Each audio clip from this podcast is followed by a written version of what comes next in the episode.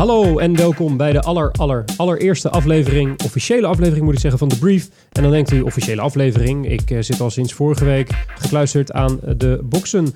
Uh, dat klopt, maar dit is de officiële aflevering. Vorige week was maar een test. Wat betekent dat? Dat betekent dat dingen interessanter worden, leuker worden en bovendien, uh, nou ja, gewoon leuker worden eigenlijk.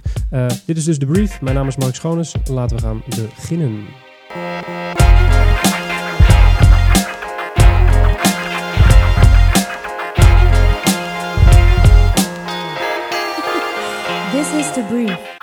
Ja, zoals gezegd, dit is de allereerste officiële aflevering van The Brief. De podcast over content marketing en media. Uh, aangeboden door Wayne Parker Kent. Um, in de studio met mij gast Albert-Jan Huisman. Hallo Albert-Jan. Hi jongens. En uh, Frank Goren, uh, mijn uh, gebruikelijke co-host. Rechter, linkerhand, noem het maar op. Uh, en mijn, mijn, mijn rots in de branding. Mijn, mijn hoopvolle kerel waar ik altijd bij terecht kan met vragen van allerlei soorten.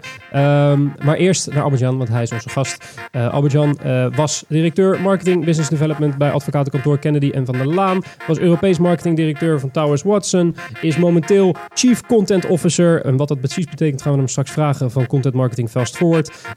en nou, dat moet al genoeg zijn eigenlijk om hem hier in de studio te hebben. Uh, we gaan later met hem verder praten. Uh, maar allereerst welkom, Albert-Jan. Is dit de eerste keer dat je in een podcast figureert toevallig? Nee, niet de eerste keer, maar uh, wel de eerste keer bij jullie. En waar kunnen we je eerder horen? Welke podcast was dat? Ja, die moet ik zelf ook nog aan terugluisteren. Dat was ah. in Australië, dus ik weet het niet meer precies. Die, die hadden hun eigen marketing niet ja, helemaal klopt, op orde. Misschien was het helemaal fake, je weet het niet. Maar dit is dan echt mijn eerste echte. Cool. Blij dat ik hier ben. Ben je zenuwachtig? Onwijs. Ja, terecht. Ja, Terecht. heb ik ook al. Volledig. Frank, hoe is het met jou? Goed, jongen. Dank voor de hele fijne introductie waar je zo lang moest zoeken naar superlatieven over mij, maar ik ook van jou. Ja, ik had het opgeschreven met, met was briefje kwijt. Kan gebeuren. En je linker en je rechterhand, dus dat is mooi. Dat lijkt me voldoende. Goed, de opzet van de brief is heel simpel. We bespreken eerst wat nieuwsverhalen. Daarna duiken we in een ja, een, een, een diepgravend interview van, van Pulitzer-proporties uh, uh, duiken we in de gast. Um, en dat betekent dus dat we eerst eventjes gaan luisteren naar het nieuws. Dan komt er nu een heel slik pumpertje. 1, 2, 3.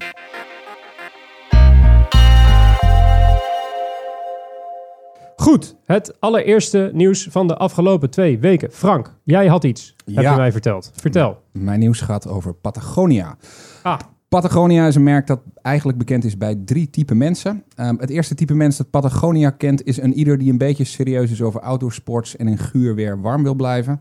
Uh, de tweede groep is een ieder die dat graag wil uitstralen en de kleding van Patagonia combineert met een houthakkershemd en een fijn gestileerde baard.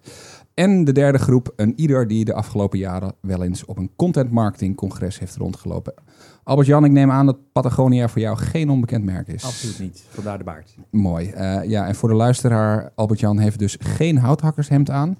Uh, en de baard is wat beperkter dan dat van de gemiddelde hipster. Maar hij spreekt wel met regelmaat op uh, verschillende content marketing events over heel de wereld. Dus, Patagonia.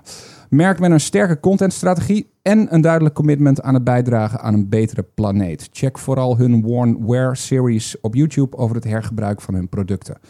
Uh, wat ons betreft een van de betere en bekendere contentvoorbeelden met een mooie koppeling tussen merk, missie en verhaal. Um, na twee minder succesvolle, maar zeer mooie pre-election films recentelijk, waarin uh, Patagonia geen openlijke voorkeur voor een kandidaat uitsprak, maar oproep tot Vote Our Planet, komt het merk nu met een echt statement. Um, deze week kondigt het merk aan 100% van de omzet die ze maken op Black Friday. Uh, we nemen dit op net voor Black Friday. Um, maar 100% van die omzet gaat Patagonia doneren aan kleine organisaties die zich inzetten voor het milieu. En dit alles onder het motto: The support we can give is more important now than ever. Uh, in de wetenschap dat Black Friday het belangrijkste retailmoment van de Verenigde Staten is, vind ik dit wel echt een commitment uitstralen. Uh, niet één voor één, niet een paar procent, nee 100% van je omzet op het belangrijkste retailmoment weggeven. En voor de cynici en de mediawaarderekenaars onder u, misschien is het nog wel een verstandige investering ook, want ook wij hebben het er hier weer over. Het is niet de eerste keer dat ze zoiets doen, hè? Nee, dus zeker niet de eerste keer. Ehm, ik eh, ben niet helemaal op de hoogte van de sustainability policy van Patagonia. Ik ben meer geïnteresseerd in hun content. Maar voor zover mij bekend gaat 1% van de omzet van Patagonia sowieso al naar dit soort initiatieven. Ja, klopt. Ik meen mij te herinneren dat dat eh, in de orde van 75 miljoen ondertussen is. Ja, Eh, en dat bedrag zal hard omhoog gaan door op Black Friday in één keer al je omzet te doneren. juist. Lekker. Verantwoord ook. Heel verantwoord. eh, niet alleen eh, eh, als je kijkt naar merken en wat zij doen voor the environment. ehm, maar ook een erg mooi merk als je geïnteresseerd bent in content marketing cases. En is dit, is dit een, een lijn, Frank, die zij doortrekken in hun content marketing? Is dit een terugkerend thema, die sustainability en die... Ja, feitelijk doen ze dat al, nou ja, eigenlijk zolang als ik ze ken. Een merk dat hergebruik van producten centraal stelt in hun, eh, ja, eigenlijk in alles wat ze doen. Hebben daar een paar hele mooie films van gemaakt. De bekendste, eh, ik weet niet wat de huidige stand is, maar zit over de half miljoen views. Eh, de cynici onder u zullen zeggen, een half miljoen views is niet bijzonder veel voor een groot merk. Maar wel als je je ehm, realiseert dat een film van 27 minuten is. Ehm, en ik denk dat wat Patagonia goed doet, is eh, heel consistent om te gaan met hun verhaal. Eh, en die consistentie overal in door te voeren. Soms succesvol, soms minder succesvol. eh, maar erg mooi, erg stilistisch en erg on point bij hun corporate story. Ja. ja, nee, ik ben het volledig met je eens. Het is een, eh, een, een love brand puur zang. Doen ze hard hun best voor. Ehm, een ander brand wat niet zo heel erg lekker bezig was de afgelopen twee weken... en dan skippen we even een segmentje, maar om hier even op in te haken... is New Balance. Eh, want die hadden een uitglijdertje op Twitter. Die dachten heel eh, actueel in te spelen eh, op, eh, op de overwinning van Trump. Wat is er precies gebeurd? Er was een, een, een directeur van, eh, van New Balance, die, die werd wat gevraagd door de Washington Post. En, en de vraag ging eigenlijk over het, het Trans-Pacifische partnerschap, een van de trading deals waar de president-elect Trump heel erg tegen is. Die wil die meteen intrekken. En de directeur van ehm, eh, New Balance, die liet zich ontglippen dat hij daar eigenlijk wel blij mee was. En dat hij het idee had dat, eh, nou ja, dankzij het afzeggen van het handelsverdrag, het de goede kant op zou gaan met Amerika. Daar doelde hij natuurlijk mee eh, eh, dat het goed was voor zijn business. Maar het internet was sneller dan, ja, dan, dan dat hij waarschijnlijk zou willen. Want meteen werd New Balance eh, ehm, door meerdere ja, twitteraars en, en de, de, de social hub uitgemaakt voor een racistisch merk. Eh, toen was eh, eh, New Balance heel erg snel met het, met het uitbrengen van een persberichtje... waarin ze heel hard riepen, nee, dat zijn we niet, dat zijn we niet. Maar toen was er een website en die heette Daily Stormer. En dan denk je, oh, dat is een leuke roddelsite. Maar dat is een extreem rechtse site. eh, die meteen zei, nee, nee, New Balance is inderdaad eh, het nieuwe kledingmerk voor blanken. En het leed was geleden. Ehm, ja, op Twitter steken inmiddels mensen eh, schoenen van New Balance in de fik. En zweren ze het merk definitief af. Ik moest meteen een beetje denken aan Lonsdale, die dat in Nederland in, in, in rond 2000 volgens mij uit de handel is gehaald, omdat er zoveel ja, eh, rechtse extremisten mee gingen wandelen, omdat je van de letters Lonsdale ook NSDA eh, eh, van kon maken. Over creativiteit gesproken. Ehm, ja, wat nu? Wat, hoe, wat, wat, wat, eh, wat zou jij aanraden, Frank, aan, aan zo'n zo'n New Balance? Hoe, hoe kom je over zo'n schandaaltje heen? Wat, wat moeten ze doen? Eh, vooral niet te veel, denk ik. Eh, vooropgesteld, ik ben geen eh, specialist in crisis-PR. En ik denk dat dat is wat je op dit moment heel hard nodig hebt. Ehm, ontkennen, ehm, heel hard ontkennen, heeft niet heel veel zin, denk ik. Ik denk dat het enige wat je kan doen is een heel mooi verhaal naar buiten brengen. en je van je beste kant laten zien. Weer iets waar content zich prachtig voor zou kunnen laten lenen. Wat ik wel opvallend vond overigens, ehm, is dat er meerdere ehm, ja, brands, als ik het zo maar mag zeggen, bijna hetzelfde hebben gedaan als New Balance. Eh, een van de brands die zich eh, duidelijk uitsprak voor ehm, meneer Trump, onze president-elect, eh, was Kanye West. En daar horen we dan, Kanye. horen we dan weer helemaal niks over dat mensen daar moeite mee hebben. Dat zou ook kunnen zijn dat Kanye West misschien iets minder serieus wordt genomen in de VS en in de rest van de wereld dan de CEO van een groot bedrijf. Een hele korte shows maakt tegenwoordig. Ja, zoiets heb ik ook begrepen, inderdaad. Eh, misschien dat dat ermee te maken heeft. Ja, geconcentreerde manier van je communicatie overbrengen, ja. Ja, of, of men neemt kan je niet serieus, of men ziet zo'n hele eh lijpe, rare, vreemde uitspraak wel als heel authentiek voor hem. Eh, en en past dat volledig bij eh, eh, zijn, zijn image, ja, zijn, zijn brand. Dus misschien is het wel juist helemaal on point. Eh, en begrijpt iedereen dat hij zomaar wat roept en het niet voor real gaat doen. Al moet ik zeggen dat nu Trump president eh, gaat worden, dat Kanye over vier jaar misschien niet eens zo'n heel gek idee zou zijn. Dan hebben we in ieder geval leuke muziek die uit het, uit Witte Huis komt. Eh, als er dan nog een Witte Huis staat. Maar goed, dat is misschien iets te... ja, Fatalistisch. Fatalistisch, iets wat. Hey, ehm, ja, New Balance dus, die hadden niet zo'n heel lekker weekje. Eh, dat wel een, eh, wat heel, wel een heel leuk weekje heeft, of eigenlijk een hele leuke eh, periode, is good old e-mail. E-mail is terug, Frank. Ja, ehm, dit is eigenlijk het domein waar Albert-Jan ook veel verstand van heeft. Wat we zien is... Albert-Jan ehm, steekt nu zijn handen in de lucht en, en rent bijna de studio uit, omdat we hem zo voor het blok zetten.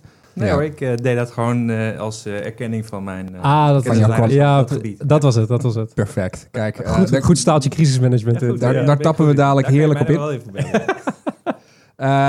maar om op je vraag terug te komen, Mark. We zien dat eh, vooral in de B2B eh, e-mail eigenlijk een grote comeback aan het maken is. En ook in de B2C overigens.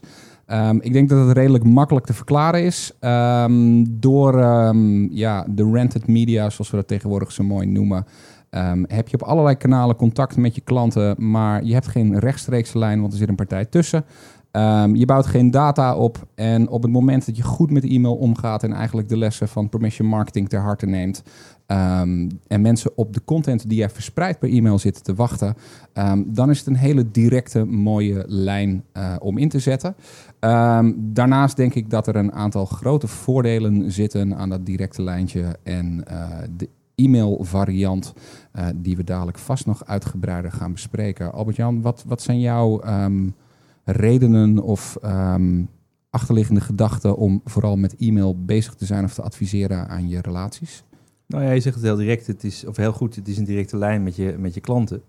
En eh, als je een goede marketing automation hebt eh, draaien, dan kan je je marketing database steeds beter maken door die lijn wat strakker te houden. Ehm, en je ziet ook dat eh, als je dat op een goede manier doet en eh, op een goede manier e-mail eh, marketing bedrijft, dat de conversie met sprongen de lucht in gaat als je de juiste boodschappen naar de juiste doelgroepen stuurt. Ja, ik, ik, ik las ehm, recent weer dat de twee belangrijkste manieren om contact met mensen te hebben, en vooral in de B2B, iets waar jij ook in gespecialiseerd bent, e-mail en webinars zijn. Ehm, voor ons eh, Nederlanders misschien nog ehm, wat onbekend terrein, webinars naast e-mail. Ehm, hoe kijk je daar tegenaan? Nou, e-mail, dat kan ik wel bevestigen. Webinars, dat is toch een beetje, eh, toch best wel lastig hier in, eh, in, in Europa, vind ik zelf. Met name client events, dus in-person events zijn wel de, de call to action waar ik meestal naartoe ga. Om, eh, om de simpele reden dat je dan gewoon eh, met klanten en, eh, en prospects in een ruimte bent. En de mensen, zeker in B2B, de gelegenheid kan geven om daar een interessante dialoog, al dan niet gedreven door kennis die je hebt ge- opgedaan op marketing automation gebied, eh, eh, te, aan te- aan te gaan. Dus als ik je vrij mag vertalen, zeg jij hoe directer de relatie, hoe beter.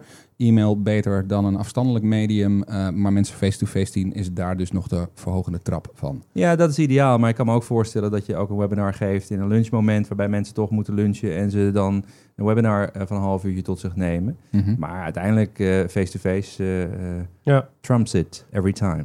kijk, woordgrapje du jour. Ja, zo ben ik. consumeer je als uh, contentconsument zelf wel eens webinars? Zit je, uh, Eh, niet heel veel. Ik moet je zeggen dat ik eh, vaak op congressen spreek waar ik dan de toegang krijg tot alle video's na afloop. En ja, ik vind het toch wel lastig om mezelf daartoe te zitten om al die eh, video's dan te gaan Ja. bekijken. Het voelt toch weer een beetje als de schoolbank, hè? Ja, weet je, ik heb ook in organisaties gewerkt waar het verplicht was om een x aantal webinars per maand te, eh, te, te volgen om eh, je opleiding eh, op dat gebied. en dan zie je toch mensen om je heen te fast forwarden. Nou, daar heb ik later mijn bedrijf van gemaakt, maar... ehm, maar dat was een wat meer negatieve connotatie dan ik, dan ik zoek. Maar nee, ik denk dat webinars een functie heeft. want ja, iedere persoon die consumeert content op een andere manier. En als webinars jouw ding is, waarom zou je daar niet voor, eh, voor cateren? Ja, En voor jou als, eh, als consument, eh, de vorige gast die we hier hadden zitten, opende heel prachtig met dat hij zelf geen podcast luisterde. Ehm, hoe zit dat bij jou? Is dat wel een vorm die bij je past? Ja, die past heel erg goed bij mij, want ik zit veel in de auto en ik ben veel op reis. En dan is podcast in een vliegtuig of in de auto heel erg handig. Ik ben, eh, nou ja, eh, laat ik het zo zeggen, de vorige keer, een paar maanden geleden, toen ik mijn iPhone had geüpdate, Toen had ik vergeten het vinkje uit te zetten dat je dat niet op 4G moet synchroniseren. En ik kreeg binnen 10 minuten een eh, mooi berichtje van, eh, van Vodafone van jongens, eh, je dataplan voor deze maand is gone. Want ik heb zoveel podcasts waar ik naar geluister. Dat, ja, dat is gigantisch. Marketing podcast, psychologie, passive income, whatever. Maar gewoon leuk om geïnspireerd te zijn op momenten dat je normaal gesproken aan het autorijden bent of aan het reizen bent. Ja, tof. Wat, heb je een tip voor de luisteraartjes thuis? Nou, het is wel grappig. Ik kwam Douglas Burdett tegen een paar weken geleden in Boston toen ik daar sprak op het B2B Marketing Forum. En eh, hij stelde zich voor en eh, toen zei hij, ja, ik ben de host van de eh, Marketing Book Podcast. Ik zei, nou, jou ken ik. Wat lachen. ik luister naar jou. De liet hem ook zien. Hij zei, oh, wauw, leuk. En de Marketing Book Podcast is een podcast die ik zelf ook graag had begonnen en daar ook over nagedacht heb, maar het gewoon niet doe. Dus Ja. ja, hij heeft het wel gedaan. En hij, bespreekt, hij bespreekt volgens mij iedere week één of twee eh, eh, boeken met auteurs die boeken geschreven hebben. En dat vind ik super interessant, want ik hou van boeken, ik hou van lezen, ik hou van content, ook zelf consumeren. En eh, dus de Marketing Bookcast van, podcast van Douglas Burdett vind ik een hele leuke. Cool. Ja. Ja. nu denkt u thuis in uw oortjes, hoe ga ik dit in vredesnaam allemaal onthouden? Nou is het mooie, we hebben show notes. Show notes, zeer zeker, want we zijn een podcast, dus we hebben show notes. Die kunt u vinden op wayneparkerkent.com slash podcast. Eh, en dat linkje, dat wat, moeilijk, dat snappen we, dat is moeilijk eh, in te typen en moeilijk te onthouden. Dat linkje staat weer in de beschrijving van deze podcast. Dus ga je in je software je podcast luistert eventjes naar de beschrijving. Klik je op het linkje, ben je helemaal klaar. Hartstikke handig. Hey, eh, nog even over die, die, die e-mails. Wat ik vet vond, want ik, ik las een, een berichtje op Digiday. en dat, dat, dat berichtje dat zoomde vooral in over hoe publishers nu newsletters gebruiken. En daar zag ik een, een, een quoteje, ik weet niet meer, volgens mij was het van iemand van BuzzFeed, waarin ze zeiden, of nee, van New York Times was het. Ehm, die zeiden, wij gebruiken ehm eh, ma- mailing letters niet alleen om content te verspreiden, maar ook als een soort speeltuintje om te kijken welke onderwerpen er resoneren bij onze doelgroep. Dus we gaan aan de slag met klantsegmenten, met, met nou ja, content eh, consumentensegmenten eigenlijk meer. En daarin kijken we, houden ze van bananen? Ja, ze houden van bananen. Gaan we meer dingen maken over bananen?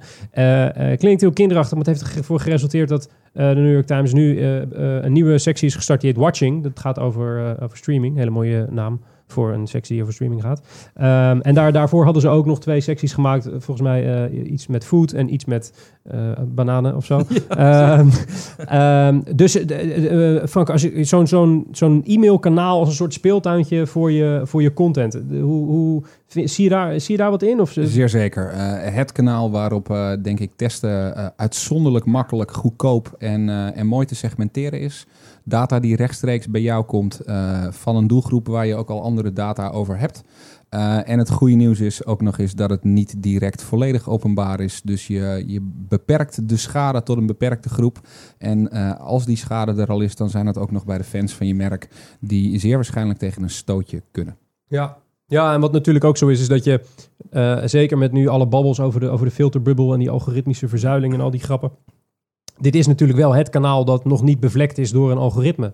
Waarvan je zeker weet, we hebben één kans om mensen te raken met een headline. En misschien met een heel klein beetje een regeltje eronder als je mazzel hebt. Ehm, en die kans heb je. Dus dat, dat, dat geeft je al meer tools zonder dat je er eh, echt eh, grote centen achter hoeft te zetten om, om bereik te genereren. Ehm, En ik denk ook dat je ehm, op het moment dat, en dan komen we weer bij die permission-based marketing uit, op het moment dat ik eenmaal, en dan spreek ik voor mezelf, mijn toestemming heb gegeven om mij zeker op mijn zakelijke adres eh, te bestoken met e-mails, dan heb je mijn trust en is de kans ook vrij groot dat ik eigenlijk iedere newsletter die ik krijg wel open. Ik ben heel selectief in wat daarin mag binnenkomen, maar als je daarin binnenkomt, dan eh, heb je mijn aandacht verdiend. En dan eh, hou ik hem ook wel een tijdje vast. Ja. Is dat voor jou een beetje hetzelfde, Albert-Jan? Ja, zeker. Ik moet je wel zeggen dat ik ben best wel veel eh, geabonneerd. En ik moet mezelf wel eventjes goed schakelen dat ik ze niet allemaal in een bepaald eh, eh, mapje heb eh, laten komen. Dat ik ze wel bekijk. Maar ehm, ik ben het wel met je eens dat als je eenmaal die toestemming geeft, dat je wel wat actiever kijkt. Ik gebruik het zelf ook heel vaak om inderdaad aan de andere kant te kijken wat resoneert er bij klanten en wat wordt er wel gelezen. En als er iets gewoon heel slecht gelezen wordt en we hebben daar over een maand of wat een event over gepland, dan gaan we ernstig kijken of we dat moeten laten doorgaan of dat we dat een andere hoek, eh, invalshoek geven. Nee, maar het meten van wat je uitzendt en wat mensen lezen en wat resoneert bij hen of niet, is heel belangrijk gegeven om uiteindelijk ook elke keer weer heel, om maar weer modewoord te gebruiken, agile je marketing strategy aan te passen. Ja, Wat ik interessant vond ook is, is eh, wij, wij zijn van huis uit natuurlijk. Bij, eh, Wayne Parker Kent zijn we een, een publisher. Dus ik, we kijken voornamelijk hoe publishers die, die, eh, die, mail, eh, ehm, die mailings gebruiken, die mail- e-mailmarketing gebruiken. En dan is de eerste gedachte die je dan hebt, ja, dat is dan om content te verspreiden. Hè? Dat- is het, om, om reach te genereren op je platform en dat gebruiken als distributiekanaal. Nu las ik dat BuzzFeed, die hebben een, een, gewoon een e-commerce newsletter. Gewoon, die heet Gifts, volgens mij. Eh, en die heeft gewoon een open rate van 45%, waar hun gemiddelde open rate voor content newsletters, die ze ook, waar ze er ook een stuk of 15 van hebben, eh, maar ligt op 30%.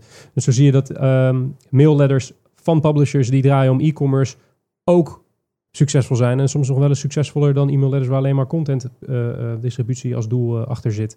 Ehm, het zou zomaar bijvoorbeeld een nieuw verdienmodel kunnen betekenen voor uitgeverijen die het nogal lastig hebben, denk ik. Zo. Ik denk dat de conclusie moet zijn dat e-mail aan een keiharde comeback bezig is. eh, en met erg veel onvoorspelbare resultaten. Kijk, wat een fantastische afsluiter van het nieuws. Dat betekent dat er nu weer een bumpertje komt. Gaan we daarna praten met de gast. Goed, zijn we weer terug naar het bumpertje. En we zitten hier, zoals je net al hebt gehoord, met Albert-Jan Huisman. Albert-Jan is de founder van Y-Content. Eh, eh, een van de mannen achter Content Marketing Fast Forward, waar die Chief Content eh, Officer is. Ehm, daarvoor ehm, heeft hij een hele hoop gedaan. 20 jaar in marketing gewerkt. Ehm, hoe gaat het met je nu? Hoe gaan de zaken? Ja, het gaat eigenlijk wel heel goed, moet ik eerlijk zeggen. Ja, ik vind het leuk om mijn eigen bedrijf te hebben. Na twintig jaar in corporates gewerkt te hebben, vind ik het ook fijn om eens een keertje voor mezelf dingen te doen. Niemand die over mijn schouder meekijkt als ik weer een keertje een week in de States rondrij. of bij klanten ben. Ehm, en het is leuk om gewaardeerd te worden voor de kennis die je hebt laten zien in de afgelopen jaren. En ehm, leuke klanten te hebben die eh, vraagstukken hebben die je nou ja, al dan niet al een keertje hebt opgelost. En elke keer weer een kijkje in de keuken te nemen van bedrijven die je van tevoren denkt, oh my god, wat is dat precies? ja, Maar de, de overal problemen en uitdagingen voor de teams en voor de raden van bestuur of de, de CMO zijn toch allemaal eh, wel eh, gelijk. eh, Ja. Want, want vanuit je eigen bedrijf doe je natuurlijk een hoop. Je, je doet events, je doet spreken op Content Marketing World onder andere. Je doet de consultancy erbij uiteraard. Dus is er iets waarvan je nu ontdekt van nou, dat, is, dat is het meest mijn ding? Of is het juist die verscheidenheid aan dingen die je doet die het, het leukst is? Nou, ik ben er nog een beetje aan het ontdekken, maar ik vind het spreken op congressen wel heel erg leuk. Alleen, ja, dat, dat is gewoon ongelooflijk tijdsintensief. Ehm, ik vind het één op één werken met een, eh, met een CMO of een, of een raad van bestuur heel erg interessant. Om eh, gewoon ook eh, de strategiedoelen te koppelen aan de content marketing strategy. Ja. Want dat is vaak een link die nog steeds mist. Ehm, en ik vind het ook leuk om met, met teams te werken en vanuit mijn eigen ervaring dan te laten zien wat er allemaal mogelijk is. En een soort stipje aan de horizon te laten zien van ja, weet je jongens, natuurlijk is het lastig, maar uiteindelijk kan je dit bereiken met, met doorzettingsvermogen, simpele middelen en een beperkt budget is er gewoon al veel mogelijk. Maar Ja. waar het om gaat is dat je de mindset eh, eh, verandert en dat vind ik eigenlijk het leukste om te doen om binnen een bedrijf te komen, om te kijken of je die cultuur en die mindset kan veranderen. Het is een lang, lange termijn traject, maar uiteindelijk moet je ergens beginnen. Ja, en als je binnenkomt bij een klant, hè, ehm, wat is dan een van de misvattingen rondom content? Maar je kan me voor, ik ik stel me zo voor, jij, jij wordt daar binnen gehaald als de, de, de guy die de content marketing op moet zetten. Eh, wat is een van de grootste misvattingen die je klanten hebben over het algemeen over content marketing? Ja, dat ze de hele dag boekjes moeten schrijven. En dat ze normaal gesproken, als je in de B2B of professional services firm zit, eh 400, 500 euro per uur vraagt. Eh, en dat dat dan misschien wel heel erg eh, niet zinvol is om dan een uur of twee te besteden aan een stukje wat ze op de website gaan doen. En wat ik ze dan altijd uitleg is, weet je, ik kan eigenlijk jouw uurtarief wel verdrievoudigen. En dan vonden ze wel, vinden ze wel interessant. Ja, als je nou gewoon wat tijd besteedt samen met mij om wat content te maken, dan kunnen we laten zien dat dat eh, eh, nieuwe klanten oplevert of dat het nieuw business oplevert, dat het resoneert bij de mensen die het eigenlijk zouden moeten aangaan. En eh, dat is niet eenvoudig, zeker in het begin niet. Maar uiteindelijk heb je wat kleine succesjes nodig en dan gaat de bal rollen en dan begrijpen mensen het ook en dan zien ze het ook. En dan, ik denk dat het een van mijn meest trotse momenten was bij Kennedy van der Laan, waar ik marketingdirecteur was, dat een van de twee partners, of twee partners tegen elkaar zeiden, hey, dit is misschien iets voor onze content marketing strategie. Toen dacht ik, hey, Het is, het is geland, het is Ja, eindelijk time geland. to move. ja, ja, ja, ja, precies. Ja. Hey, en en, eh, en eh, zo'n titel eh, Chief Content Officer. Leg eens uit. Je, je, je maakt, eh, of je doet content marketing fast forward, doe je. Ja. Ehm, je bent Chief Content Officer. dan neem ik aan dat je een hele doordachte content marketing strategie hebt achter content marketing fast forward. Ja, dat is absoluut heel erg zo. Daar heb je gelijk in. maar- Kan je, kan je ons meenemen in wat jullie allemaal zo wat nee, doen? dat kan ik helaas niet doen, want dan... eh, nee, natuurlijk. Nee, eh, marketing, content marketing fast forward is een platform wat Bert, en, Bert eh, van Loon en ik hebben gemaakt een aantal jaren geleden. Zoals veel goede ideeën gaan eh, onder het genot van een biertje met een eh, Amerikaanse vriend van ons, Andrew Davis. Cheers. Cheers, ja, heel goed. Precies. Ik neem ook een slokje. Knippen we eruit hoor. Dat is goed. Ehm, zoals veel van dat soort ideeën komen onder het genot van een biertje. En we dachten van, ik had al heel lang het idee om eigenlijk een soort, wat ik net zei ook met die boekclub, eh, we moeten mensen meer inspireren en laten zien wat er allemaal te koop is in de wereld op het gebied van marketing. En eh, toen hebben we gedacht, nou laten we zorgen dat we eh, content marketing boeken en allerlei andere boeken, psychologieboeken, businessboeken, in een soort compacte 1 tot 2 tot 3 uur durend zelfs toen de tijd evenement neerzetten. En mensen echt gewoon inspireren op dat gebied. En dat ze zelf ook gaan ontdekken dat er meer is dan wat ze elke dag nou ja, online of offline lezen.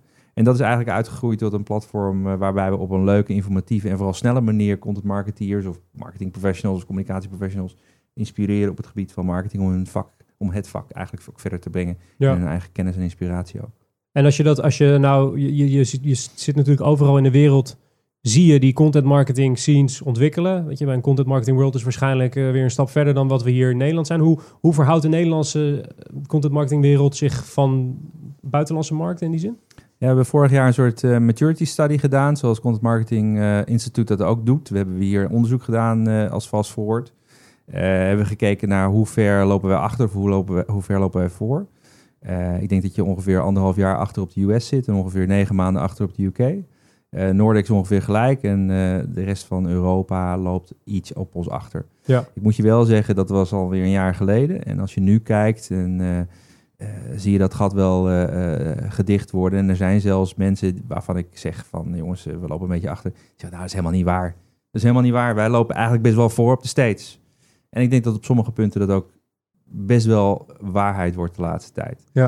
Zijn er, zijn er partijen in Nederland of, of initiatieven in Nederland waarvan jij denkt, dat zijn, dat zijn de voorlopers, dat, is, dat zijn de, de krent uit de pap?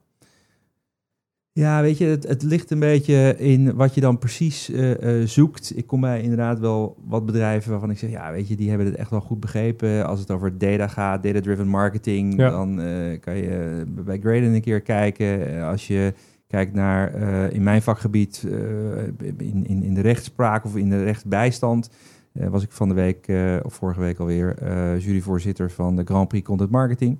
Eh, daar is eh, bijvoorbeeld DAS eh, een, een hele goede case naar voren gekomen. Dus we zijn er wel, wel voldoende. Ehm, waar ik wel geïnteresseerd in ben, aanhakend op wat je net zegt. ik heb je een aantal keer mogen horen spreken, onder andere over de tijd bij Kennedy van der Laan. En je refereerde er net in ons gesprek over e-mail ook al over marketing automation. Dat lijkt je heel hoog in het vaandel te hebben staan. Ja. Ehm, als we dan kijken naar die maturity in de Nederlandse markt, wat tref je daarin aan en waarom zou iedereen die daar nog niet mee bezig is, daar heel snel mee moeten starten? Nou, weet je wat het is, Frank? Als je kijkt naar wat we allemaal moeten en, en, en, en willen op het gebied van content, dan is dat allemaal heel erg veel. Mhm. En als je dat allemaal eh, handmatig zou moeten doen in, in prachtige programma's zoals Excel of allerlei andere zaken, Good old. Ja, bijvoorbeeld. Eh, dan, kom, dan, dan, dan barst het op een gegeven moment uit zijn voegen. Dat gaat tegen zijn grenzen aan zitten. En wat je zou willen is, eh, met marketing automation, ik zeg helemaal niet dat het de heilige graal is, maar ik zeg wel dat dat een goed idee is om daarin te investeren, omdat je op die Hmm. manier eh, de hele funnel die je voor je klant in principe hebt bedacht, al van tevoren kunt ja, automatiseren. En alle triggers die hij gaat raken, kan je van tevoren bedenken, wat, moet voor content, wat voor content moet hij dan krijgen. Dat is gewoon handmatig niet te doen. Eh, en bij Kennedy hebben we hele stevige gesprekken gevoerd over eh, de privacy van dat alles. En moet je het willen en moet je het kunnen. En uiteindelijk hebben we gezegd, ja, dit is gewoon de toekomst. En dat moeten we gewoon willen. En we willen daar gewoon verder mee. Want eh, ja, je hebt nu nog, zeg maar zeggen, de wet van de voorsprong. Of, uiteindelijk werd hij wel remmend, omdat we best wel ver op de muziek voor liepen. Maar ik, ehm, ik, ik denk dat je, ehm, en ik, ik zie het nog te weinig, moet ik eerlijk zeggen. Hè, mensen hebben een Mailchimpie of een, eh, een iets, iets anders eh, draaien. Dat is niet echt marketing automation, dat is e-mail marketing. Maar marketing automation is echt gewoon goed kijken wat doen bezoekers op je, op je site. Eh, wat voor content willen ze hebben.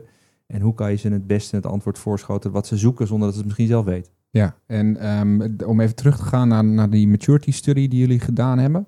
Eh, ik heb daar, eh, niet dat ik dat paraat heb, ik heb er toevallig vandaag nog even in gekeken.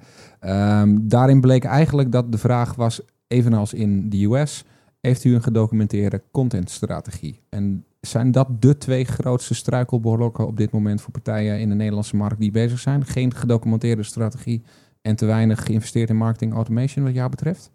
Nou, ik denk dat het, het, niet vaststellen of in ieder geval het vastleggen van een, een content marketing strategie zeker een, een probleem is. Ik denk dat voor alles geldt als je doelen hebt en je ze niet vastlegt en ze niet dagelijks bekijkt, ja, dan denk je aan het eind van het jaar, oh ja, ik zou 10 kilo afvallen. Als ik voor mezelf spreek dan. Eh, Het is radio, hè? ja, precies. Dat gewoon, ik bedoel, ik, eh, precies. Maar ehm, je moet je doelen vastleggen. Je moet ze documenteren. Je moet ze delen. eh, je moet ze eh, in de organisatie gewoon te pas en te onpas eh, eh, eh, noemen. Eh, want ik denk dat, dat, dat op die manier je alleen maar je doelen kunt bereiken. En ja, inderdaad, eh 40 tot 45 procent, afhankelijk van B2B of B2C in de States in ieder geval, eh, eh, legt hun eh content marketing strategie niet vast.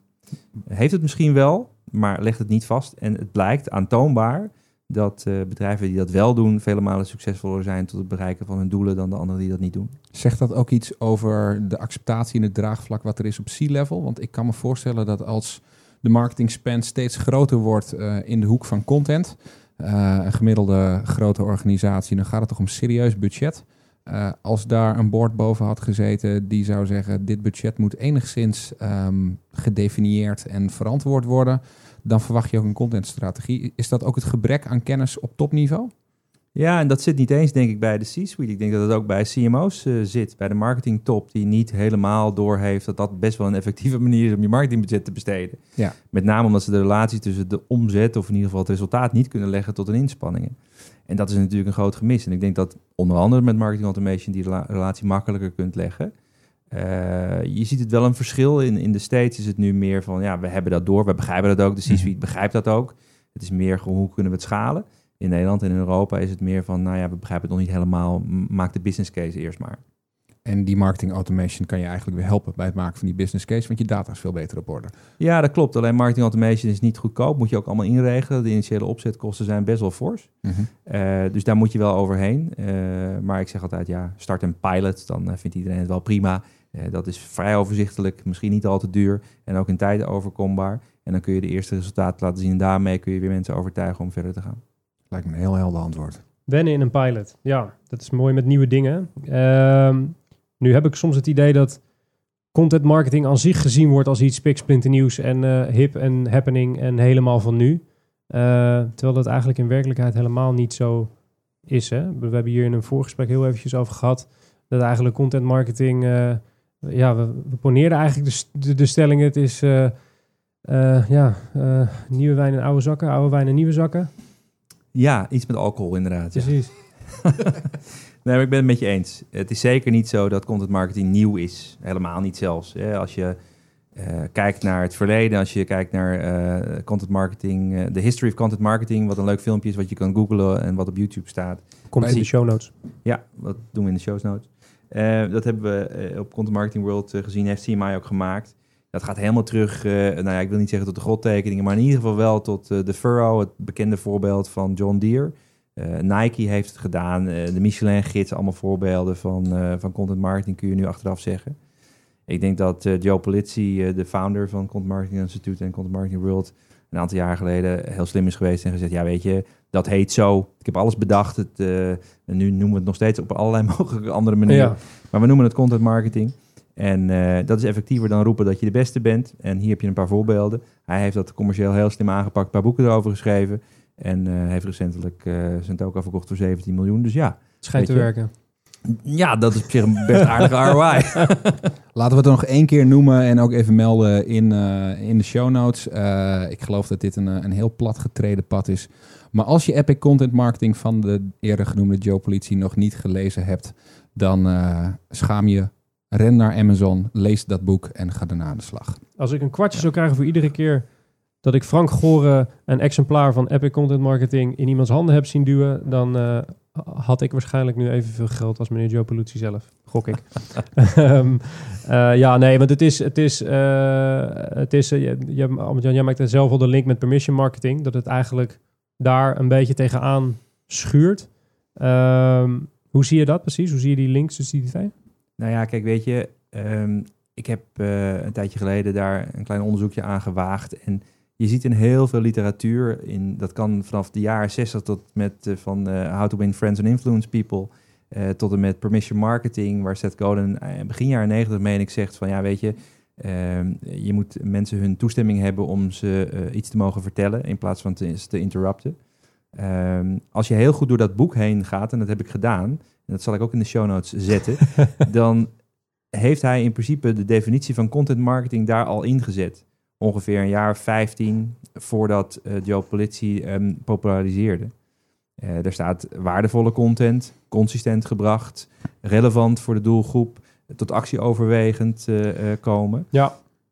Dat staat er allemaal in. Dus ik denk dat, en het is ook niet raar dat Seth Godin op een gegeven moment heeft gezegd, ja, content marketing is the only, only marketing left. Zo, weet je, dat, dat heeft hij, eh, en ik bedoel, ik ben op zich best een fan van, van Seth Godin. Ook niet heiligmakend. Heel klein mannetje trouwens. Eh, niet dat dat wat uitmaakt. En hij is kaal en ik ook, dus dat maakt niet uit. Maar eh we're digressing. ja, nee, maakt niet uit. Nee, het is een podcast, niet mensen jullie niet Nee, nee, precies, precies, precies. Ehm, en dat doen we dan niet in de show notes. Maar hij heeft, denk ik, het heel goed gezien. En ik denk dat, eh dat Joe heel slim is geweest om dat uit te ponden op die manier. Ja. Ehm, Is Joe dan ook de, sorry ik is Joe, het boek van Joe Paluzzi, is dat dan een van de redenen waarom iedereen de indruk heeft dat het helemaal nieuw is? Nou ja, kijk, het, het, de term content marketing, en hij heeft alles geprobeerd, heeft hij mij verteld, eh, is gewoon nieuw. Hè? Dus hoe noemen we het? Maar het principe, de basisprincipes zijn niet nieuw. Nee. Hè, het, eh, het maken van een, eh, van een blaadje, omdat je je klanten wil laten zien hoe het landleven in Amerika uit, eh, uitwerkt, zoals Ja. de Furrow dat deed van John Deere, is, is helemaal niet nieuw. Hij heeft het alleen gewoon gepopulariseerd en heeft hij slim gedaan. Ja, ik denk ook dat hij in die, nou, dat hij qua, qua tijdsgeest en eh, qua omstandigheden, omstandigheden ook precies op het juiste punt zit. Ja, omdat eh, Push natuurlijk redelijk wat, ehm, eh, ja, wat, wat ehm, een lastige tijd heeft in die zin. Met eh, alle adblockers en dergelijke moet je als merk zijn ook alles op alles stellen om maar iets waardevols te creëren waar mensen naartoe willen komen in plaats van dat je het in hun gezicht duwt. Ehm, waar content marketing natuurlijk ook een, eh, een groot onderdeel van, eh, van is, of andersom eigenlijk. Ehm, ja, mooi. Mooie dingen. Hey, en als je kijkt naar die, die B2B hoek, hè, waar jij eh, voornamelijk in zit, toch? Dat is het. Klopt, ja. Ehm, hoe, hoe gaat het daar met content marketing? Is, is dat juist een sector die eh, ten opzichte van B2C voorloopt? Of is dat juist een sec- sector die juist nog een sprintje moet maken richting B2C? Of hoe, hoe liggen die verhoudingen precies? Ja, ik vind het altijd lastig om het onderscheid tussen B2C en B2B te maken. Uiteindelijk wil je mensen bereiken. En eh, ja, dat, dat maakt dan niet zo heel veel uit in welke situatie ze zitten. Ik denk wel dat het in B2B een dankbaar onderwerp is, omdat je een langere lead time hebt waarschijnlijk met een, eh, tot, om te komen tot een sale. Ehm, ik denk zeker dat B2B nog wel een, een sprintje te maken heeft, eh, zoals, je, zoals je noemt. Eh, ik zie mooie voorbeelden, dat zeker. Ik was vorig jaar ook juryvoorzitter van de B2B marketingkant van de Grand Prix. En toen heb ik geen prijs uitgereikt, omdat het allemaal echt vreselijk was. Terwijl er wel Of- inzendingen waren, neem ik aan. Ja, er waren inderdaad Ja. een aantal Ja, inzendingen. En die waren niet vreselijk hoor, maar die waren gewoon niet up to scratch. Niet waar je het vak mee verder wil helpen. En, en sommige waren, voldeden niet aan de eisen op welke manier dan ook. Maar goed, dit jaar hebben we wel een paar mooie prijzen uitgereikt. En dat, daar ben ik heel blij om, dat we die kant gewoon goed opgaan. Maar er zijn ook gewoon heel veel bedrijven waar ik kom en die, ja, weet je, die, eh, die hebben het nog niet helemaal door. Zeg, wij moeten iets met content. Geen flauw idee waarom, maar jij schijnt er iets over te weten, dus doe maar. Ja, weet je, dat is misschien niet de meest ideale basis, maar... eh, Ehm, en, en langzaam probeer je die mensen ook eh, te inspireren en te laten zien wat er mogelijk is. En allerlei voorbeelden aan te halen van banken die eh, newsrooms maken. En eh, zelfs eh, een oude voorbeeld van eh, de Indian Corporation, wat ook in het eerste boek van Joe staat.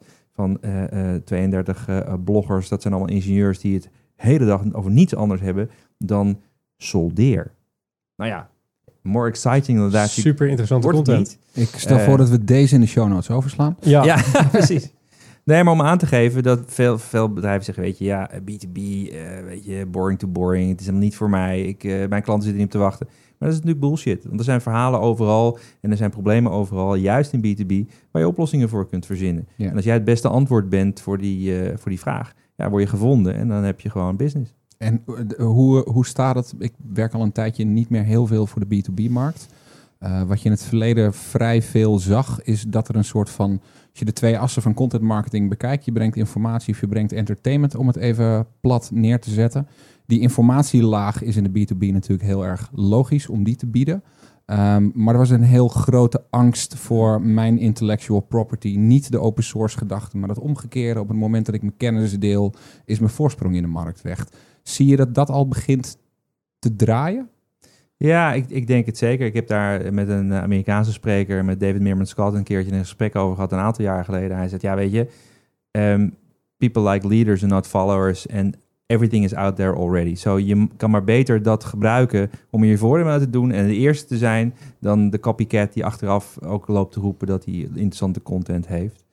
Eh, ik denk wel dat het een uitdaging is voor de meeste bedrijven om te zeggen, ja, maar weet je, als ik nou alles ga delen, dan komen ze niet meer bij mij en ik wil Ja. wel mijn uurtje verkopen. Ja, eh, dat, ja, dat is niet de gedachte die je uiteindelijk wil voor de goede content marketing. En hoe deden Eh. jullie dat bij Kennedy van der Laan? Want daar zal hetzelfde misschien ook wel gespeeld hebben, los van confidentiality en. ehm, Ja, dat is lastig. Hè? Ik bedoel, het is een advocatenkantoor, dus dat is eh, bijzonder lastig. Maar als je in de, ehm, niet in de oppervlakte, maar als je meer in de generieke problemen blijft, zonder in te zoomen op specifieke onderdelen van je klanten, dan kun je helemaal prima zaken eh, als je kijkt naar rechtindezorg.nl, wat we bedacht hebben, dat gaat over gaat, dat is content voor bestuurders in de zorg. Eh, en en daar, als je, eh, daar zit fantastische content op, eh, video, e-books, van alles en nog wat.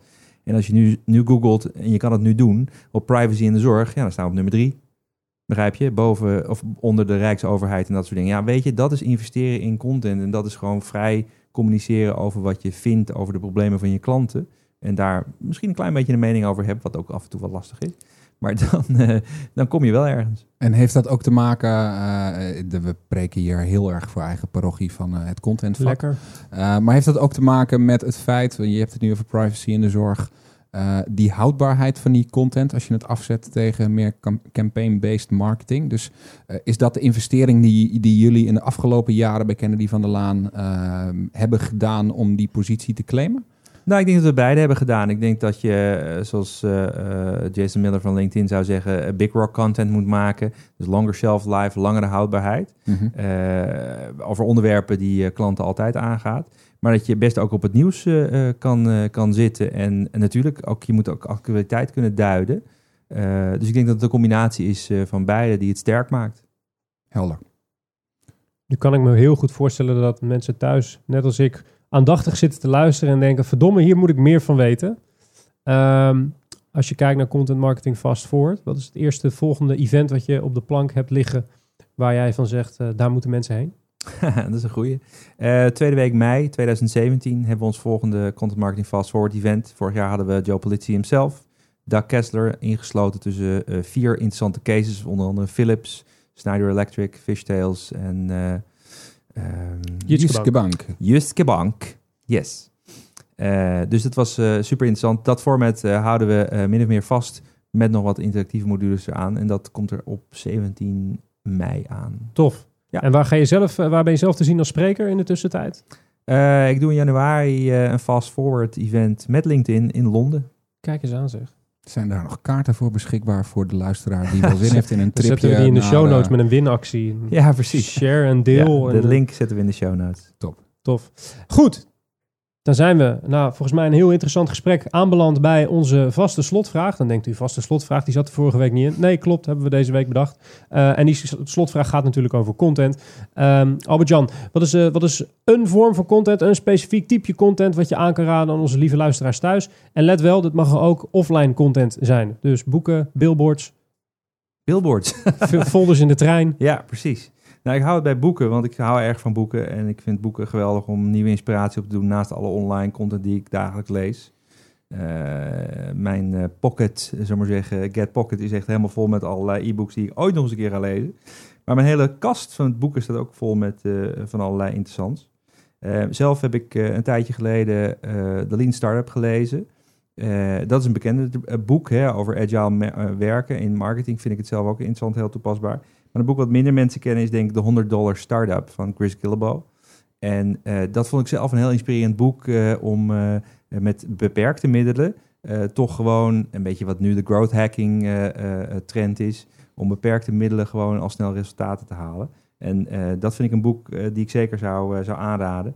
Net zoals de boeken aan marketing en aan van Scott Stratton vind ik zelf ook altijd interessant. Interessant te spreken, grappige kerel, Canadees. Eh, een goede, goede vent. Ehm, en ehm, nou ja, we hadden het er net eventjes over in het voorgesprek, maar bijvoorbeeld eh, eh, May to Stick vind ik zelf interessant vanuit sociaal-psychologisch invalshoek. Hoe kan je nou mensen overtuigen? Een beetje de Cialdini, maar dan Dan en Chip Heath, twee broers, alle twee docent. Waanzinnig interessant boek over hoe je mensen kan overtuigen met hele simpele, simpele ingrepen die je in je content prachtig kunt gebruiken om ervoor te zorgen dat het nog beter aansluit bij degene die je wil bereiken. Cool. Betekent dit dat eh, jij een van de weinige mensen ter wereld bent die vluchten te kort vindt? Als ik zie hoeveel content tot je neemt. ja, inderdaad. Ja, dat is inderdaad wel zo. Ja. Ik, eh, ik lees eh, veel en ik baal er een beetje van dat ik nu inderdaad alleen nog maar boeken heb. Ik moet eigenlijk een e-reader hebben. Ik lees wel eens wat op mijn iPad, maar ja, dat is inderdaad wel, eh, wel fijn om eh, lekker eh, een lange vlucht te hebben waar je flink veel kan lezen. Ehm, ja, heel fijn. Top. Albert-Jan, bedankt. Graag gedaan, jongens. We gaan naar een bumpertje. Goed, zijn we na het bumpertje weer terug. En dan zijn we terug voor de eh, vaste luisteraars. U herkent dit moment natuurlijk van die memorabele uitzending van vorige week. eh, van twee weken geleden. Eh, of wanneer je dit ook luistert. Eh, dat is namelijk de Slow Win Quick Loss. Eh, in deze rubriek duiden wij per week zowel een slow win als een quick loss aan. En dat houdt in dat wij een merk, een initiatief, een bedrijf, een whatever... dat zich de afgelopen week of heel slecht heeft gedragen of heel goed heeft gedragen. Ja, die, die, die bespreken we eigenlijk. Ehm, ik mag nu het woord geven aan mijn, aan mijn, mijn eeuwige linker en rechterhand Frank Goren. Eh, jij hebt de quick loss van deze week, klopt Frank? Gaat die komen? Oké. Ehm, mijn onderwerp deze week is natuurlijk ingegeven door alle nieuws rondom de presidentsverkiezingen in de US, de rol van de media daarin en de marketingactiviteiten van de partijen al daar. Maar daar is genoeg over gezegd en geschreven. Interessanter voor ons is de vraag hoe gaan de Nederlandse politieke partijen om met hun communicatie en content. Directe aanleiding voor mij een VVD-commercial met een kruip naar het witte licht, witte licht markfilter dat als een aureool om de premier heen gemonteerd is. En waarvan mijn eerste gedachte was, waarom heeft dit een review overleefd? Maar goed, ik wilde dat filmpje dus in die eh, zo vaak genoemde show notes met u delen, lieve luisteraar. Maar dat kan dus niet. Ik ben even gaan zoeken. Van de 32 aanbevolen filmpjes op het VVD YouTube-kanaal zijn er slechts 7 openbaar. Dan is er nog een heel channel met uploads, openbaar, maar over de views daarvan zal ik het maar niet hebben. Ja, maar dat is de VVD, Frank, hoor ik je denken, Mark. Nee, ik kan nog wel even doorgaan. De PV van de A heeft nog geen 900 subscribers op YouTube. D66 1300. Views per video minder dan die van het kanaal van mijn nichtje van 11. Los daarvan, ehm, partijprogramma's op de eigen website staan vol stokfoto's en wervende one-liners. Jongens, welkom in 1996. Waarom geen goede informatie, geen content die me echt jullie verhaal vertelt? Dit is dé plek waar ik actief naartoe kom om juist meer dan die ene one-liner te vinden. Dus, een ideetje. Een partij die voor de verkiezingen al haar punten duidelijk communiceert. En vervolgens me vier jaar op de hoogte gaat houden van de vorderingen op dat gebied. En dat kan dus ook zijn, we hebben gestreden. Maar doordat de tegenpartij nou eenmaal meer stemmen had, hebben we dit niet voor je kunnen bereiken. Die partij, die gaat voor informatie en transparantie op inhoud. Die partij maakt heel grote kans op mijn stem. Mocht er nou een partij zijn die dit advies ehm, wil opvolgen en daar weer wat advies over wil hebben, die mag zich bij ons melden voor een gratis sessie. Leven de democratie, jongens. En geen stokfoto's. Zonder stokfouten. Oh, zonder, zonder stokfoto's. Stokfoto's. Ja, nee, het is inderdaad niet, eh, niet heel best eh, met de politieke partij. Ik, ik heb toevallig eh, verdwaalde ik op het, de website van het Forum voor de Democratie, een van de wat modernere partijen, splinterpartijen eh, eh, van Thierry Baudet. Eh, die, die, die, een van de, hun, hun partijpunten is de e-democracy, dus eh, over alles en nog wat eh, stemmen en stemmen en nogmaals stemmen eh, in een eh, digitale omgeving waar wij allemaal als burgers makkelijk mee kunnen sturen eh, eh, eh, op het schip dat de democratie heet. Ehm, daar voelde ik wel wat voor, maar ook dat YouTube-kanaal was eh, eh, niet, he- werd ik niet heel erg vrolijk van. Dus wie weet dat, eh, dat we eh, binnenkort voor een politieke partij mogen werken. Lijkt mij heel interessant. Vraag aan Albert Jan. Zou je die als klant accepteren? Zou je alle partijen, politieke partijen in Nederland zomaar als klant accepteren? Ja, het is een interessante vraag. Eh, of ik ze zou accepteren, bedoel Ja. je? Wetende dat dat verschil gaat maken, want alle politieke partijen die ik heb gezien hebben hun, eh, hun content bijzonder slecht voor elkaar. Dus eh, als jij morgen voor, laten we zeggen, nou de ChristenUnie, de SGP of voor 50PLUS aan de slag zou gaan, ik noem maar een dwarsstraat, dat dat dan wel eens het verschil zou kunnen uitmaken. Nou ja, ik, ik zou het wel een leuke uitdaging vinden. Ik heb niet zo heel veel met politiek, moet ik je heerlijk zeggen. Niet actieve betrokkenheid, laat ik het zo zeggen. Maar ja, wat ik zeg, laatst kom ik, de laatste tijd kom ik veel bij klanten binnen die toch iets heel anders doen dan dat ik gewend ben. En een politieke partij, dat lijkt me wel de ultieme uitdaging. En ik denk dat ze veel content hebben, maar nou ja, als jij zegt dat ze het nog niet goed gebruiken, zou ik ze daar wel graag bij willen helpen. Maak eens een rondje langs de velden. Het zijn talking heads, talking Ja. heads en talking heads. Slecht gefilmd, weinig boodschap en gemiddeld geloof ik 115 views per video. Eh, jongens, kruip eens uit je schulp en ehm, ga eens niet zoveel zenden. Tot zover de quick loss van deze week. Eh, de slow in. Dat is wat mij betreft Airbnb, de grote disruptor in de hospitality branche. Eh, die blijft heel de sector maar opschudden. Dit keer niet met nieuwe rechtszaken, maar dit keer met een nieuw initiatief genaamd Airbnb Trips. Nieuwe, eh, ja, een soort eh, toevoeging op eh, wat ze al doen. We kennen ze natuurlijk als eh, een verhuurboer, waar men hun accommodaties op kan plempen. en waarna men als gast ja, daar makkelijk kan inchecken. Heel leuk en weer eens wat anders dan de Four Seasons of het Hilton. Ehm, en nu is daar dus Airbnb Trips. Zelf noemt het het bedrijf het meest significante ontwikkeling die ze sinds hun lancering hebben geïntroduceerd. En ik denk wel dat het een gouden move is, want met Airbnb Trips wil Airbnb meer aandacht geven aan de ervaring rondom de reis en de trip. Dus niet eh, eh, meer eh, louter en alleen de focus op het verblijf zelf, maar ook om de ervaringen om, rondom het, het verblijf in een ander land of een andere, andere stad. Ehm, wat betekent dat dan, Mark? Hoor ik je vragen. Nou, dat betekent onder andere dat je straks op Airbnb niet alleen een accommodatie kan huren, maar ook een ervaring kan kopen. Dus dat betekent dat je eh, bij degene bij wie je slaapt wellicht ook een klasje yoga kan, kan, kan, kan boeken of een dineetje of een samurai zwaard workshop. En dat heb ik niet verzonnen. Dat staat netjes in het persbericht van Airbnb, wat ik hier voor mijn neus heb. Ehm, en daarnaast krijg je in Airbnb trips ook van locals tips die je verblijf in, een vreemde stad nog toffer moet maken. Dus het wordt ook een soort eh, ja, TripAdvisor-achtige eh, functionaliteit die ze eraan gaan toevoegen. En zo is Airbnb ineens van een verhuurbedrijf langzaam in een ja, old-school holistisch reisbureau aan het veranderen. Waar je in één keer heel je trip eh, regelt. Ehm, dat is een ballsy move, eh, maar dat vinden we eigenlijk wel leuk. Waarom is het ballsy? Nou goed, dat betekent dat ze in één keer moeten opboksen tegen eh, meer dan alleen verhuurbedrijfjes, maar ook tegen partijen als TripAdvisor, die, die ook ja, veel doen met recommendations. Maar goed, uh, ballsy, daar houden we wel van. Is dit het enige wat we hoorden deze week van Airbnb? Nee. Ehm, ze maakten ook nog eens bekend dat ze samen met Hearst, de publisher, een printmagazine gaan starten. En als je eh, vorig jaar of in 2014 was het volgens mij opgelet hebt, heb je dat bericht al een keertje gehoord. Dat klopt, want toen lanceerde Airbnb ook al een printmagazine. Dat heette Pineapple en dat had exact één editie. Ehm, en dat is stilletjes verdwenen. Waarom weet eigenlijk helemaal niemand. En eh, nu gaan ze het dus weer proberen. Dit keer met behulp van een echte publisher. En daarom krijgen ze het voordeel van de twijfel. En daarom zijn ze de slow win van de week. Ja, ik denk ook wel dat dat een eh, move is die, misschien weet je dat, ik weet het niet, maar ehm, Jonathan Mildenhall, dat is de ehm, Chief Marketing Officer van Airbnb, was voorheen de Senior Vice President Marketing van Coca-Cola. En hij is ook de architect achter Content 2020 van Coca-Cola.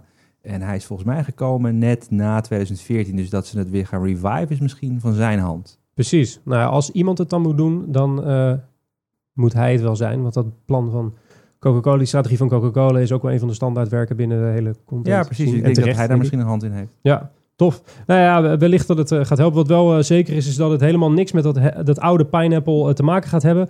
Ehm, en dat het een blad wordt wat voornamelijk draait om die recommendations van de locals. Wat ze dan weer willen verspreiden onder de listings op Airbnb. Dus als je straks een Airbnb'tje boekt in een van de proefsteden, waaronder natuurlijk San Francisco, waar Airbnb vandaan komt, dan kan het zijn dat je daar ineens een tijdschrift vindt met allemaal leuke, leuke recommendations erin. Ehm, nou, ja, zoals we zeggen, voordeel van de twijfel, slow win van de week, Airbnb, lekker bezig, ga zo door. En gaat het nu banana heten in plaats van pineapple? Dat eh, kan je ook lezen in de show notes. Oké, Albert-Jan. goed we Eh, deze aflevering starten met een referentie naar bananen. Eindigt die ook weer naar bananen. We zijn een heel En- fruitig, fruitig gezelschap. Zijn En we. zo is het de show helemaal mooi rond. Yes, dat betekent dat we momenteel zo'n hoeveel minuten bezig zijn, Kevin? We staan nu net op een uur. Dat betekent dat we na de montage waarschijnlijk tegen de 50 à 55 minuutjes aanschuiven. Eh, dat betekent dat we je binnen een uur weer bij hebben gebabbeld eh, over alles wat met content, marketing en media te maken heeft. Dat betekent dat je naar een heel interessant gesprek heeft geluisterd of een interview heeft geluisterd met Albert-Jan Huisman. Dankjewel voor je komst naar de studio, Albert-Jan. Graag gedaan. Jullie bedankt. Leuk gesprek. Vond je het leuk? Ja, zeker. Top. Ik ben eh, benieuwd naar de volgende uitzendingen. Ah, Wij ook. En ik ga de laatste ook terugluisteren. Ja, dat moet je ook vooral doen. Ondanks het feit dat je officieel... Vergeet niet, hè, je zit in de officiële eerste aflevering. maar de, de, de nulversie. Precies, en, ja, en, en in die nul, we, we zetten jou aan, eh, zeg maar, zetten we voor onze eigen CEO. Dus dat zegt een hoop. Hoop ik dat je begrijpt. Eh, zoals gezegd, dankjewel Albert-Jan. Dankjewel Frank Goren. Dankjewel Mark. Kijk, een, As always, a pleasure working with you. ja, eh, helemaal idem dito. We rekenen zo af. De volgende editie van de brief is dus over twee weken. Wie is daar te gast, hoor ik je zeggen? Hoor ik je denken, nou, dat weten we dus eh, nog niet. Het wordt sowieso een dame. Ehm, eh, de co-host van die week, dat is iemand anders dan Frank Goren. Oeh, spannend. Minstens even goed is Matthijs Tielman, een van de strategen van Wayne Parker Kent. De gast is zoals gezegd onbekend, maar wordt wel een dame. Dus dat is een wat zachtere stemmen dan deze editie. Eh, dan mogen we ook nog vertellen dat deze podcast gemaakt wordt door de agency. Dat is het creatieve content van Wayne Parker Kent. En, dames en heren, jawel, we hebben een mediapartner. Die mediapartner is niks minder dan Adformatie. Dankjewel vrienden van de Adformatie. Omdat jullie onze mediapartner zijn, zijn we heel blij mee. Productie wordt zoals elke keer gedaan door Kevin Eiken. Die geen microfoon heeft, maar wel wat gaat zeggen. Dat was Kevin. De redactie werd gedaan door Robin Barendse. Ehm, dan zijn, hebben we ook nog show notes, hebben we al een paar keer eerder gezegd, maar dat zeggen we nu nog een keertje. Dat is wayneparkerkent.com slash podcast. Dat linkje daarnaar is heel lang, maar dat kan je vinden in de omschrijving van deze aflevering. En dan rest mij nog niks anders dan te zeggen, abonneer je op deze podcast. Dat kan je doen via iTunes of via die andere app waarmee je podcast luistert. Dat weet ik niet, want dankzij privacy kan ik niet in je telefoon kijken. Ehm, dat was het voor deze week. Eh, we zien jullie over twee weken. Mijn naam was Mark Schoones. Dankjewel voor het luisteren.